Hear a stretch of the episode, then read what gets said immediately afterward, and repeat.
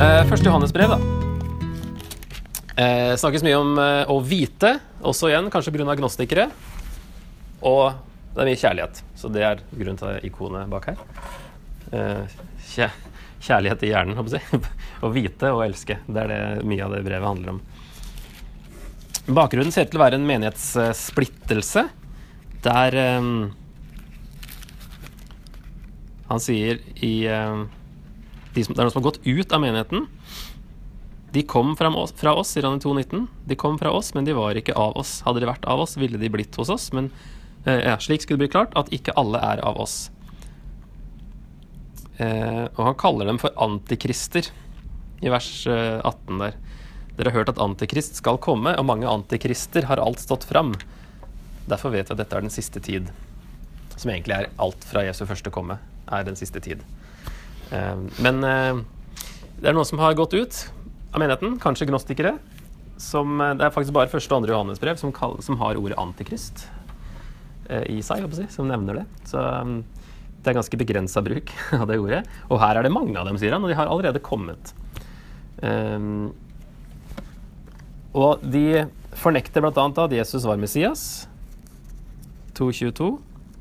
Hvem er løgneren om ikke den som fornekter at Jesus er Kristus, som da betyr Messias? Han er antikrist, han som fornekter Faderen og Sønnen. Og, og at han kom som et menneske i 4, 2 og 3. Um, hver ånd som bekjenner at Jesus Kristus er kommet til kjøtt og blod, er av Gud. Men enhver ånd som ikke bekjenner Jesus, er ikke av Gud. Det er ånden til Antikrist, som dere har hørt skal komme, og den ånden er allerede nå i verden. Så det er eh, teologiproblemer her, og, um, og uh, da en uh, han, vil, ja, han vil bevare eh, denne menigheten ved å minne dem om budskapet de hørte i begynnelsen, og forsikre dem om at de har evig liv. I 2.24 La det som dere har hørt fra begynnelsen, bli værende i dere. For dersom det dere har hørt fra begynnelsen, blir i dere, blir også dere, vil også dere bli værende i Sønnen og i Faderen. Og dette er det han har lovet oss, det evige liv. Og i 5.13 så er på en slags oppsummering Dette har jeg skrevet til dere for at dere skal vite at dere har evig liv. Der har vi jo litt sånn litt antignostisk igjen. Dere kan vite Eller han bruker jo samme uttrykk som dem. Eh, vite at de har evig liv. Dere som tror på Guds sønns navn, og ikke dere som får spesielle åpenbaringer og har spesiell kunnskap, som gnosis betyr. Som gnostikerne hevda.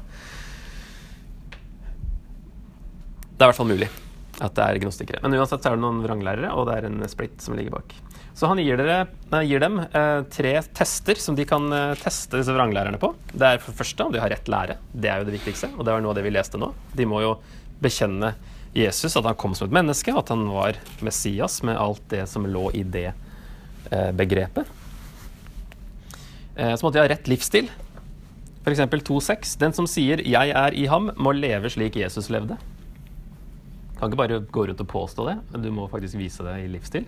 Det er faktisk en test som de kunne gjenkjenne disse vranglærerne på. Og så må de ha kjærlighet. De må elske hverandre og, og elske sin bror, så det er noen som ikke gjør det.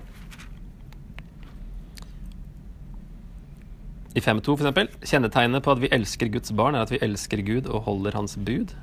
Å elske Gud er å holde hans bud. Det er mye sånn sirkelsnakk her.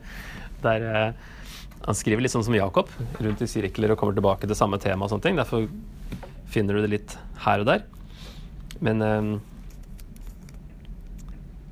ja, I 4.20 står det den som sier 'jeg elsker Gud', men likevel hater sin bror, er en løgner. For den som ikke elsker sin bror som han har sett, kan ikke elske Gud som han ikke har sett.